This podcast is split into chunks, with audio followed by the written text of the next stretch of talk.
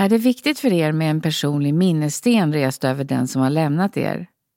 Vi samarbetar med Durus som är en av Sveriges största leverantörer av gravstenar. Edurus erbjuder kostnadsfri rådgivning och är bara ett samtal bort när ni har frågor eller behöver hjälp. Ring 08-673 50 00 eller besök edurus.se.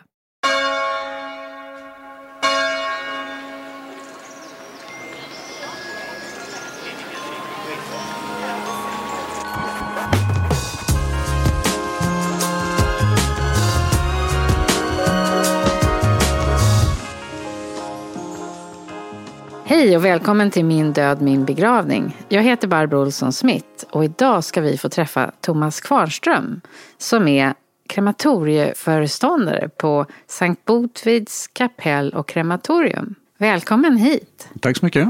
Jag tror att vi är många som inte vet så mycket mer än ordet krematorium. Du får gärna berätta om ditt arbete. Ja, vi är då en verksamhet då som eh, jag ser det som då att eh, att vi hjälper anhöriga vidare i sitt sorgarbete. Mm. Och alla de olika begravningsbyråerna då, nu jobbar vi här på södra sidan. Eh, de kommer till oss och eh, levererar de avlidna då. Och därefter så tar vi hand om dem, vi kör in dem i kylrum. Vi kontrollerar allt pappersarbete som ska vara gjort i, i kring. Det är ganska mycket. Det måste vara underskrifter från anhöriga och det när själva pappersarbetet är färdigt så då hämtar vi kistorna i, i kylan. Vi för fram dem då till eh, det så kallade insättningsrummet då, där kistorna ska åka in i, i själva ugnen. Vi trippelkontrollerar faktiskt. Då. Eh, först tittar vi på en kremationslista. Vi har tagit steg, vi är helt digitaliserade här. Vi har allting i datorerna. Vi tittar på först vem vi ska hämta. Och sen så stämmer vi av, när vi är i kylen, vi stämmer av att det är rätt person via personnumret. Och sen så har vi tagit ut en avlidning då till eh, själva insättningsrummet. Där stämmer vi av ytterligare en gång att det är rätt person vi har. Så märks eh, kremationen upp då med ett eh, löpande kremationsnummer. Så just nu är vi någonstans efter 57 000 kremeringar. Och det är löpande sedan det här krematoriet öppnade 1961. Och eh, efter det så ställs kistan då framför ugnen. Eh, det är inställt då för ett insättningsläge då som datorn räknar ut. Och sen så initieras eh, själva insättningen. Sen så är det återigen datorn som, som styr så att det är rätt undertryck i ugnen och att temperaturen är rätt. Vad heter undertryck? Eh, undertryck det är alltså ett, ett sug ut ur, från ugnen och ut i rökgaskanalen. Okay. För det är viktigt, för annars så kan det rycka in. Mm. Så när alla parametrar är riktiga och då så får vi grönt ljus då. Så trycks på knappen helt enkelt och sen eh, åker kistan in. Och ibland är det anhöriga som är med när det här händer? Ja, det händer att anhöriga vill vara med och, och, och se då att eh, kistorna som åker in i, i själva ugnen. Då. Och det, jag tycker personligen det är rätt fint att man, man vill se det för att eh, det blir lite definitivt för mm. en anhörige. Att, eh, för när väl kremationen är genomförd då, att, ja, även någonstans känner jag då att det blir lättare för en anhörige att ta nästa steg i sin sorgprocess. Mm. För sorgen är olika processer. Det vet vi alla. Alla har vi drabbats av det på det personliga planet också. Mm. Då, då. Ja, nej, men det, är ju, det är ett serviceyrke. Det är service på... Det finns väldigt mycket olika servicenivåer. Då, då. Men äh, jag känner ju att för mig känns det att jag hjälper andra människor helt enkelt. Visste du om det när du började med det här yrket? Vad visste du då? Eh, jag hade faktiskt varit här innan jag sökte hit på ett litet kort studiebesök några år innan. För att eh, min frus eh, faster jobbade här. Mm. Hon jobbade här i 32 år. Hon var Sveriges första kvinnliga krematorieföreståndare. Själv jobbade jag ute på Arlanda med servicen där. Och sen så en, en liten avgörande del var väl också att vi köpte hus då söder om stan. Mm. Så hade 13 mil fram och tillbaka till Arlanda. Jag kände väl där efter ett par år att uh, jag visste att Marie var på väg att gå i pension. Så när hon gjorde det så sökte jag hit. Så du blev föreståndare på en gång? Nej, det Nej. blev jag inte. Utan, uh, jag har varit föreståndare nu i fem år. Är det någon skillnad att göra det här jobbet idag jämfört med när du började? Var det liksom mycket olika känslor? Alltså hur lång tid tog det att komma in i det? För det är ju ändå något som man inte vet så mycket om. Ja, nu hade ju du en personlig kontakt, men annars så... Ja, precis. Och själva kremationen utförs ju, den utförs ju av ugnen, så att säga. Ja. Vi är ju bara inne när själva kremationen är klar. Då rakar vi ut benen då. Det är benen blir det enda som blir kvar. Det är ju det vi rakar ut. Ja just det, var det som var så förvånande. Att det är ju inte bara stoft då. Nej, utan det är ja. fortfarande ja. flagor av ben eller vad ska man säga? Ja, alltså benen är ju intakta. I stort sett. Ja. Men för alla mjukdelar i kroppen, de brinner ju upp. Kistan brinner upp, allting brinner ju upp. Nej men sen är det ju så mycket runt omkring det här. Vi har ju två kapell. Mm. Där vi har till 99,9 procent bara begravningar, tyvärr. För väldigt, väldigt fina lokaler. Jag tror det har varit fem bröllop och sex dop sedan 1961 här. Är det för att man inte tror att man får ha det? Eller? Jag vet faktiskt inte vad det beror på. Eller för att man förknippar Förr i tiden med... vet jag också, då, men det var före innan jag började, då hade Huddinge sina skolavslutningar här. Mm. Det är faktiskt ganska många som har varit här och säger att jag var här på skolavslutningen. Mm. Vi tycker, som jobbar här tycker det är lite tråkigt för det är fantastiskt vackert här ute. Mm. Våra lokaler är fina och omgivningarna är fina. Då, då. Men du tyckte inte då, om vi säger om vi gick tillbaka när du var ny, att det var speciellt att, jo, att vara i den här världen? Jo, var det ju speciellt. Jag vet att mina kollegor då, ute på Arlanda, de höjde väl på ögonbrynen. Mm. Det är liksom inte hör väl inte till vanligheterna att man börjar jobba på ett krematorium. Samtidigt, det är som sagt det är ett serviceyrke. Som jag sa tidigare här nu, det är väldigt mycket runt omkring. Mm. Man kan ju faktiskt se det hela som ett stort hushåll. Vi tvättar rökliner åt prästerna, vi, vi städar emellan begravningarna. Och sen så har vi hela den tekniska sidan då. Vi har, vi har pannrum, vi har elcentraler, vi har fläktrum, vi har ju mycket ronderingar, vi har pumpar, vi har allt, hur mycket som helst då, som, som måste hållas koll på. Bland annat värmeåtervinning också. Vi har två stora vattentankar som rymmer 20 kubik vardera. Som vintertid, så vi pumpar runt hela den här värmen som blir då från kremationerna. Så vi värmer serveringsbyggnaden, vi värmer ekonomigården och vi värmer vår egen byggnad som är 1800 kvadratmeter. Mm -hmm. Det är väldigt brett det här yrket om man säger. Plus att vi möter anhöriga. Och sen har vi kontakterna med alla de som transporterar kistorna till oss. Vi har ju kontakt med präster, borgerliga officianter. Det är väldigt mångfacetterat om man mm. säger så. Det måste vara så många överlämningar som måste fungera. Jag tänker transporter som kommer hit och det, som du sa det här med pappersarbetet. Att det är viktigt. Mm. Men sen ska ju också urnorna hämtas här. Ja. Så det är ju lite ett kretslopp på ett sätt också. Och sen är det ju vissa kister som är här som eh, ska vänta på sin begravning. Ja, precis. Vi är så att säga navet då i, i den här verksamheten. Mm. Då. Så har vi även ansvar för de som ska till begravning. Och de ställer vi fram på morgonen då så att uh, floristerna kan komma och dekorera dem. Mm. Sen hämtas de, körs till begravningen och sen så kommer de tillbaka. Om de inte ska jordfästas förstås. Ja, just det. Gör ni jordfästningar här? Finns ja, det många har, gravar som... Ja, vi har ju även ett uh, muslimskt kvarter. Förra veckan då hade vi fem jordgravar. Aha. Så det är en väldigt skicklig personalstyrka på utsidan också. Mm. Som jag kallar det för, de som jobbar på kyrkogården. Då. Ja. Så där är ju ett tätt samarbete.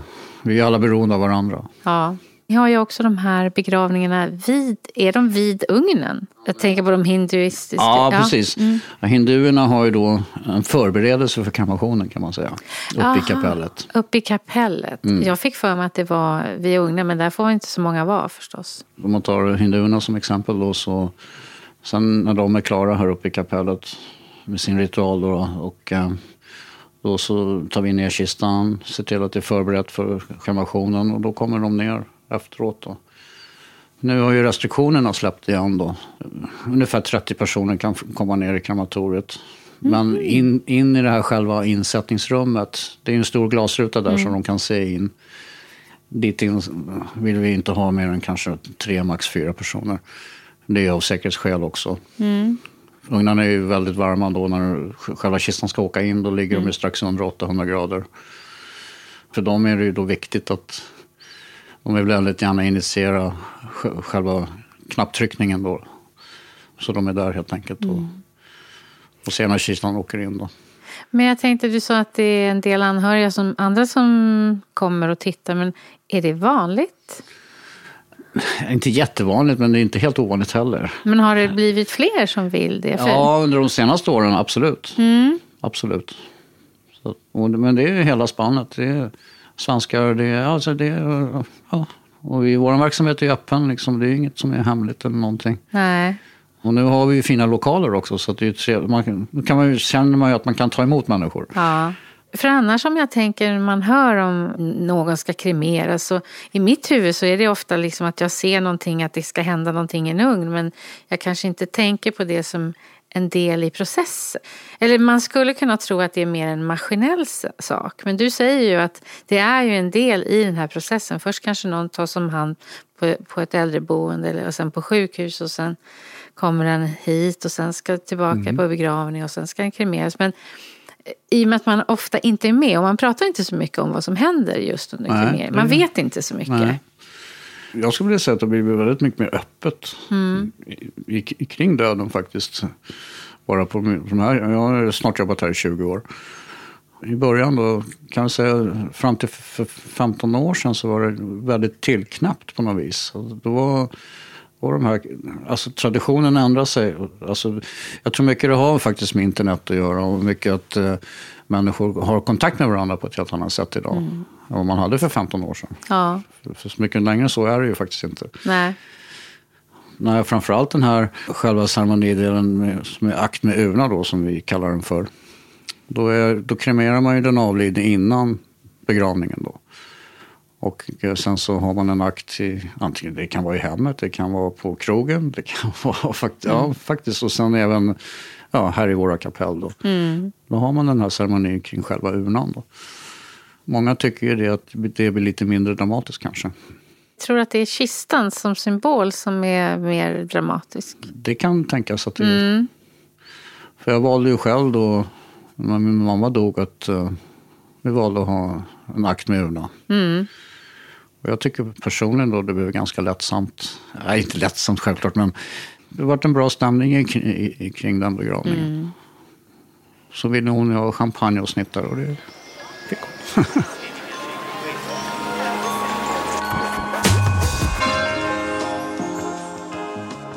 Är arbetet ganska lika sen det började? Om vi bortser från det här att folk kanske har mer engagemang då i kring det här och är mer eh, kunniga eller nyfikna eller vad jag ska säga. Men, men själva yrket som sådan? Ja, hur- själva, själva arbetssättet, och som- ja, det är ingen större skillnad. Förutom att det är mer automatik idag. I och med att datorerna styr på ett annat sätt idag. När jag började jobba här då ställde vi in, efter en insättning då av kistan i ugnen så ställde vi in luften då, med, hade så, så kranar på ugnen då som vi ställde in då rätt lufttryck och sånt manuellt då. då. Så att jag vet att många Eh, Det har varit ganska stort generationsskifte i den här branschen också. Jag vet många äldre då, då när jag hade börjat, de tyckte att ja, det här med datorerna, det tar bort hantverket och lite så.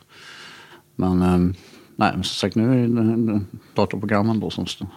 Som guidar eller styr Ja, eller ja. vad man ska kalla det.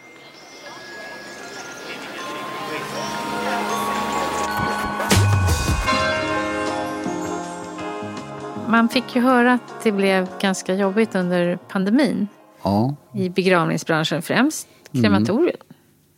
Ja, vi hade väldigt, väldigt mycket att göra. Vad var det som ställde till det? Jag, Nej, det var ett oerhört tryck. Alltså det kom ju kistor hela, hela, hela tiden. Ehm, så vi jobbade ju sju dagar i veckan. Eh, Även långt sent in på kvällarna. Samtidigt är ju en krematorieugn är ju inte så pass stor heller så att den tål vad som helst. Så att man, man man kan inte överbelasta. Alltså det finns en gräns. Så att jag vet att det var några lördagar mitt i när det var som värst som vi var tvungna att låta anläggningen stå helt enkelt för att det, det, det blev för varmt. När det var som allra värst under de två månaderna så klämde vi in sju extra arbetsveckor i de två månaderna. Det är ungefär dubbelt så mycket då? Ja, alltså en extra månad är ju två månader. Ja, ja. En kremation tar ju, vad är det, en och en halv timme ja, ungefär? Ja, cirka en och en halv timme. Betyder det att man kan göra, liksom göra nästa på en gång? Eller det måste, som du sa, måste det vila Ja, emellan? Och man det måste också här- rengöra? Det, Och, finns, det är också sådana säkerhetsföreskrifter. De- Man får inte sätta in om det är för varmt.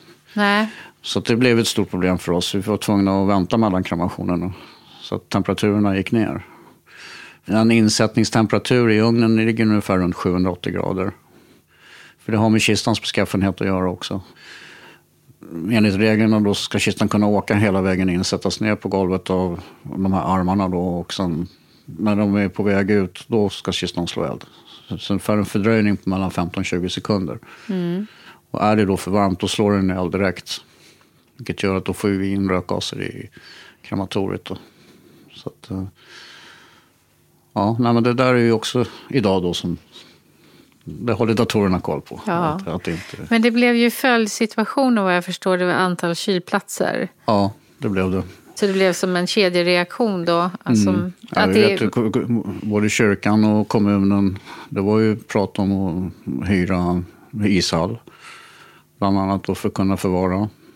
För du vet, i Stockholms stad också då, där var det snack om att hyra Globen. Men vi klarade oss precis alltså. Och vi har cirka 100 platser här hos oss. Vi hade vi konstant över 90 inne. Så det var precis att vi fick in det som kom hela tiden. Då. Tack vare att vi, vi kunde kremera då så pass mycket som vi gjorde. Och vi hade faktiskt, vi hade, var precis nyservade. Vi hade precis lagt eh, nya bottnar och hällar som det kallas då i, i ugnarna. På så sätt hade vi då inom citationstecken lite tur. Så att vi kunde, vi kunde verkligen köra för fullt. Då. Det var så osäkert också för ingen visste ju om, vi, om de här om kistorna smittade heller. nej, just Det var det. ingen liksom som visste någonting egentligen. Men de var ju uppmärkta då med tre små droppar då på de här kistkorten då som talar om vem, det var som låg i. Covid-droppar då, då. Och det var ju i princip allting. Men vi klarade oss. Vi möblerade om i vårt kök. Tog ut det stora bordet, satte in kafébord så vi höll avstånden. Stängde ner den ena delen av byggnaden då så att eh, vi minimerade kontakten med andra. Sen var det det här andra, ja, det var munskydd, handskar, sprit, ja, handsprit. Ja, vi lyckades faktiskt bra.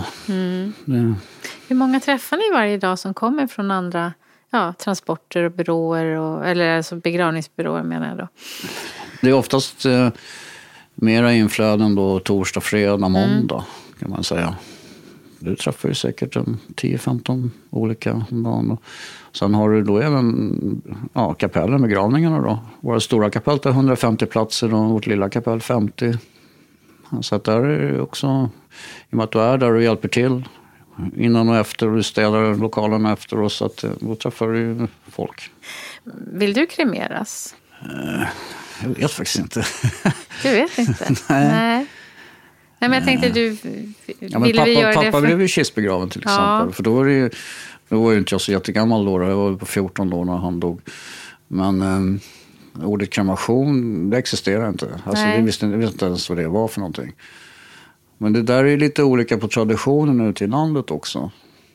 Jag vet att till exempel uppe i Dalarna, Mora, alltså, alltså, där har man ju 96 procent i kremationsfrekvens. Och sen så räcker det att åka 15 mil österut så är det 50-50. Ja, Så det är väldigt olika där ute på vilken tradition ja, som är runt omkring då. Stockholm här ligger det väl på runt 85 tror jag. I riket som sådant är det också strax, någonting, strax Ja. över 80 procent. du har i alla fall eh, kremerat släktingar till dig, eller hur? Äh, ja. Och det känns okej? Ja, det blir, ju- det blir ju nära såklart. Det är det. Men samtidigt är det, eh, de fallen jag har gjort det så är det faktiskt, har de bett mig att göra det. Ja, okej. Och då blir det ju ett, ett uppdrag. Ja. Mamma klarar inte av att kremera. Hon blev kremerad på Råcksta. Ja. Nej, men som till exempel min, min faster Mm. och min frus farmor och Ja. min fr- frus farbror. Ja, men alltså det, Men det kan väl vara fint det, i sig också Precis, då? jag tänkte säga det är ju lite ärofullt också. Ja. Då blir det ju ett, ett uppdrag, helt Ja. klart. För jag, vad jag inte visste var ju såklart att ni vet ju inte hur den här personen ser ut som ni kremerar. Utan Nej. kistan är ju förseglad. Ja, det är de. Och ni vet ett namn och ett personnummer. Ja, det, så är det. Tänker du på att vem de var och vilket år de var född eller hur? Ja, alltså ju yngre personen är ju jobbigare blir det ju på något vis. Nej, men det finns, vi har väl en, en oskriven regel att eh, du ska behandla alla som om det vore din egen släkting. Det är ju som sagt det är ju speciellt. Men samtidigt, jag, jag vet inte om jag ska säga att jag skyddar mig, men alltså, det är ett uppdrag liksom. Det, jag, jag ser det som det, verkligen. att eh, Jag känner att jag hjälper andra människor. Och för mig är det jätteviktigt. Det känns meningsfullt. Ja. Mer, mer meningsfullt än väskor.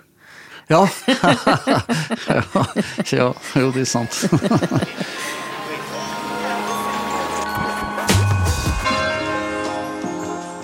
Men ser du på livet och döden som att det här är liksom en del av det? Det bara är självklart, det är inte någonting jobbigt. Jag menar, jag undrar just hur man blir eh, påverkad när man lever med det varje dag. Det är jag ju lite Ja. nyfiken på. Det kanske blir ännu lättare att liksom se det som en, ja, en del av livet. Självklarhet i Ja, det. alltså jag vet inte, jag kan säga, det är olika på sorg och sorg på något vis. Eh, om man har någon avliden som är 95 år, jag menar då, det, det blir inte på riktigt, alltså det, samma etik kring det hela. Än, än till exempel om man kremerar ett barn. Jag menar, det är ju inte alls roligt. Nej, då tänker man mycket Nej. mer på att det är, Ja. att det är ett barn, Ja. eller hur? Och det som har påverkat mig mest måste jag säga under ja, mina snart 20 år här, det är ju de som avled i tsunamin. Ja. Det var tungt. Och du visste vilka de var? Eller du, för att alla Alltså, vi, kom ungefär de, vi samtidigt. hade ju de begravningarna här uppe i, Ja. i kapellen. Alltså, så att, det- ja, knappt så jag kan prata om det. Nej, nej. För det är också, nej, men på något också att det är viktigt att man kan inte, får inte bli känslokall i det här jobbet. Nej, nej, men det är väl lite det jag, jag är mer så här, Mm. gissar jag att det känns naturligt, men det finns ändå gånger där det inte går Nej. att acceptera Ja, men det. så är det ju. Ja, när det är liksom barn eller extra sorgliga ja, men saker. För mig är det viktigt också när jag går hem på dagarna att jag vet att jag har gjort ett bra jobb. Mm. Och jag vet att jag har gjort det fint. Alltså för, för de som jag har kremerat. Alltså, ja.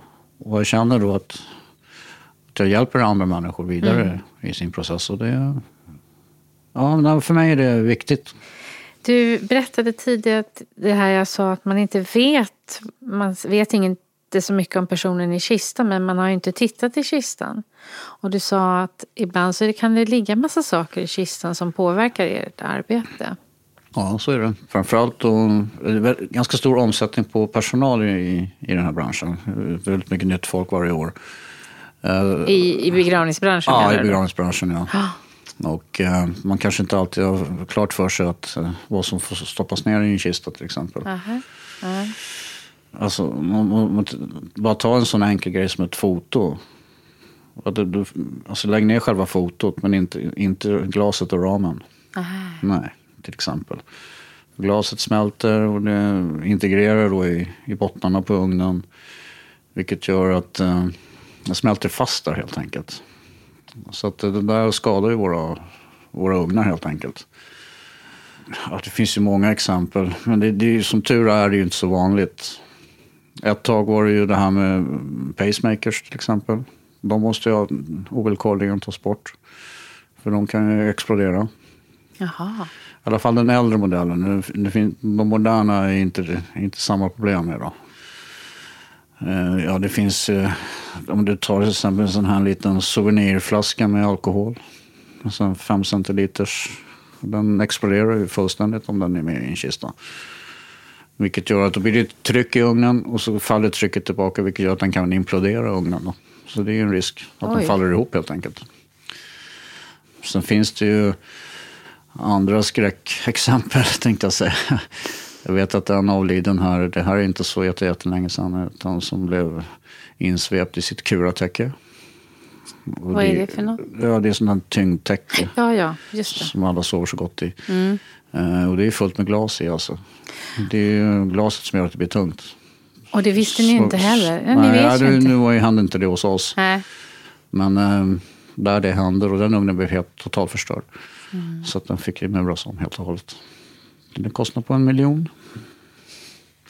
Så att det, finns, det finns mycket detaljer också där ute.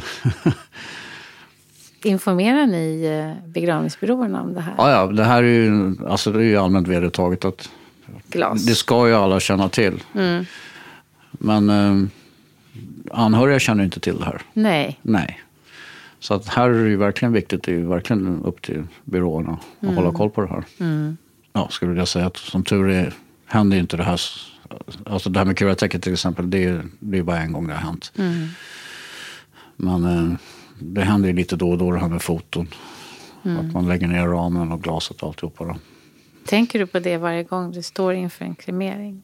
Nej, och sen så vi, har vi väldigt mycket på oss från miljö, på miljösidan. Då. Alla rökas och renas ju. Så att det där är ju viktigt att vi håller koll på, på de grejerna också. Då. Och där är det ju då det är kalibreringar av eh, O2-mätare, CO-mätare. Det är, det är som en hel vetenskap kring det också. Och allt det här är viktigt att man har, eh, har grejerna i skick. Mm. Så att, det eh, kostar stora pengar, allting. Apropå pengar måste jag fråga. Kostar det någonting att kremeras? Ja, det kostar. Och, men det är, det är församlingen som betalar. Det är församlingen som betalar? Mm. Men man måste ha Men, en kista? Ja, det måste man ha. Och det, det vet jag att flera har sagt mig att de tycker är så konstigt. Men då kanske du kan berätta varför man måste ha en kista?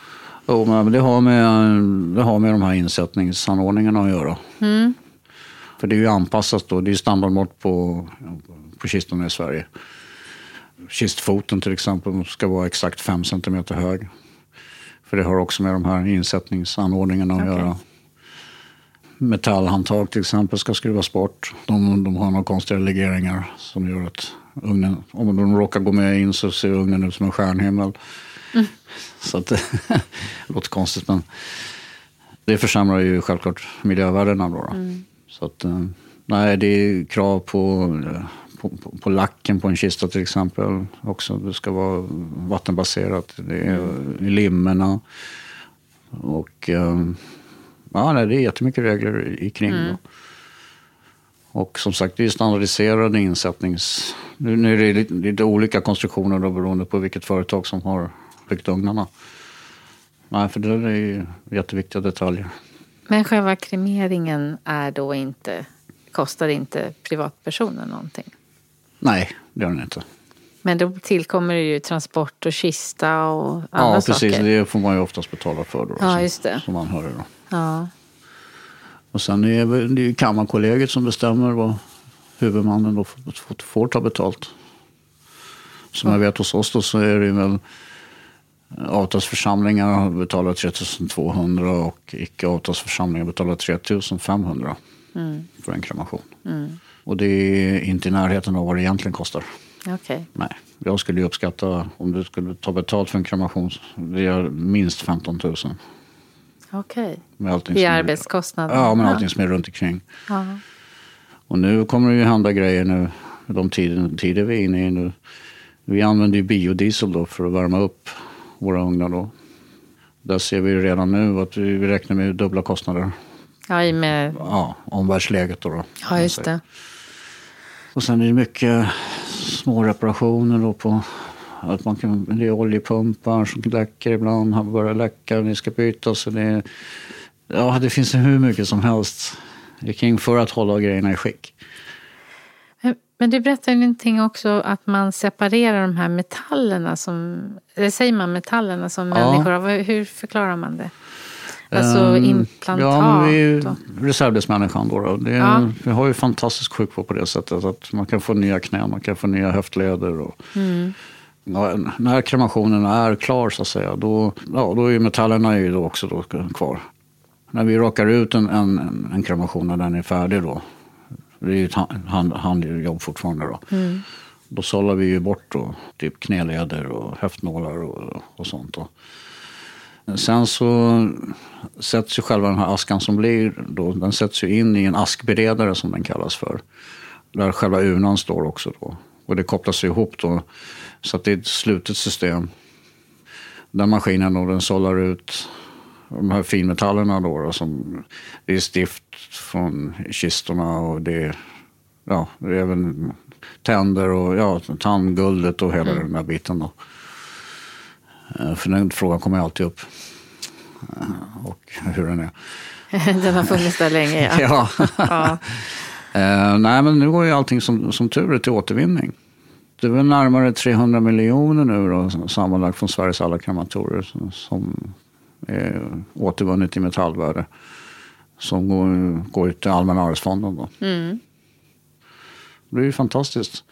Istället för att det grävs ner då som begravningslagen påkallar att man måste ja, göra. Då, då. Så det är ju fint för jag menar, planeten är hårt ansträngd så att vi måste ju alla hjälpas åt. Mm. Sen finns det ju olika aspekter på det där. Då, då. Vissa tycker att det där ska följa med men det, det, det är inte praktiskt möjligt. Då, då. Om jag personligen då, då ser jag på det som att då har jag lånat någonting från sjukvården. Eller från tandläkaren. Ja. Visserligen har du betalt för det men alltså det är, mm. varför inte? tillhör ju egentligen inte din kropp om man ser det så. Men det är min personliga åsikt. Mm.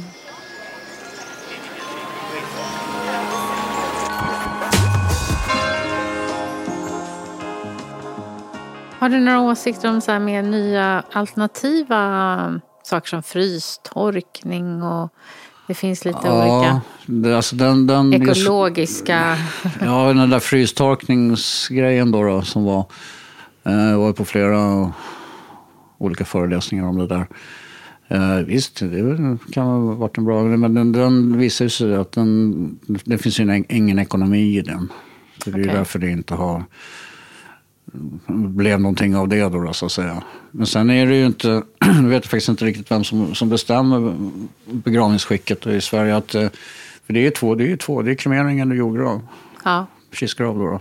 Så det, det, det är de alternativen som finns. I Sverige, ja. ja. Mm. Du menar om det ska ske en skifte så måste det ske inifrån lagen så att ja, säga? Ja, så är det ju. Ja. Sen om man tittar på USA, det finns ju massa olika varianter. Det finns det de som fryser ner sig själva också. Ja, just det. Men, Hoppas på det bästa. Ibland så pratar vi så här, Åh, jag ska ha den här låten på min begravning eller jag vill ha de här blommorna eller det är här jag vill bli begravd. Men finns det någon som säger så här, så här vill jag ha min kremering? Nej, det har jag inte hört. För att man inte kan ha det? Eller för att man inte vet? Nej, jag har aldrig fått något. Nej. Ja, för, förutom de här uppdragen då från anhöriga. Ja. Att jag vill att du kremerar mig. Ja. Ja, okej. Okay. Men jag tror att det, kanske kommer att förbli så. Att det är liksom ändå någonting som är ganska långt bort från vad man bestämmer. Utan man... Ja. Nu vet att alltså, katolikerna, de det väljer ju också om de ska begravas med kistan eller om de ska kremeras. Och sen finns det ju ortodoxa, till exempel kristna ortodoxa, det är ju tvärförbjudet ja. Att kremeras. Mm. Så att, du vet att vi hade en ortodox som, som vi visste att det skulle bli kremerad, men då prästerna vägrade ju så att det kom ju katolska präster till den begravningen. Det är lite fascinerande på ett sätt också då hur det skiljer sig. Ja. Som för muslimerna är också totalförbjudet och judendomen, inte, ja. inte totalförbjudet men man... Ja, men extrema undantag ja, då, i sådana fall. Samtidigt då som hinduer, buddister och det här, det är liksom det det går ut på. Ja, så det är väldigt svart ja, eller vitt. Ja. Menar, det... Och här i Sverige menar man ju på att det är, när var första kremationen i Sverige? 1865, något mm. sånt. Typ. Uh, men fan, vi, alltså vikingatiden hade vi, kremerade vi folk liksom. Ja fascinerande det här hur olika det kan vara. Men om man inte kanske planerar sin kremering, eh, vad tycker du om det här om man ska planera sin egen begravning? Tycker du det? Är det någonting du själv funderar på? Nej, inte, inte kommit så långt än. Nej. Nej men det är väl fint. Ja. Jag vet ju mamma då, då som exempel. Mm. Hon ville ju att, absolut att det skulle vara champagne och snittar. Och, ja, det hjälpte och, er då? Ja, och en trevlig stämning. Och, ja, ja. Alltså minnas henne med glädje. Men klart vi är ledsna såklart. Mm. Men, eh, efteråt där så det var det jättefint alltså. Ja, Och då har man ju det med sig. ja. I Vi, sorgearbetet. vi gjorde det här för mamma och det vart ju så fint. Ja. Så att, det- och det tror jag är väldigt, väldigt viktigt. Att, att, att, det- att det går bra så att säga, eller att det blir bra. Ja. Själva begravningen då, om man nu har en sån. Nej, men jag har väl sett alla varianter här. Det finns ju anhöriga som inte kommer överens heller. Även i begravningssituationen. Så kan det vara. Nu är det som tur är extremt ovanligt då, men det, Ja. händer. En avliden är en avliden, den ska vi hedra. Alltså. Mm. Tack så mycket Thomas. Ja, tack själv. Tack för att vi fick komma hit. Följ oss på Instagram, min dod min begravning podcast. Om du undrar någonting eller vill veta mer så hör av dig på info at mindodminbegravning.se.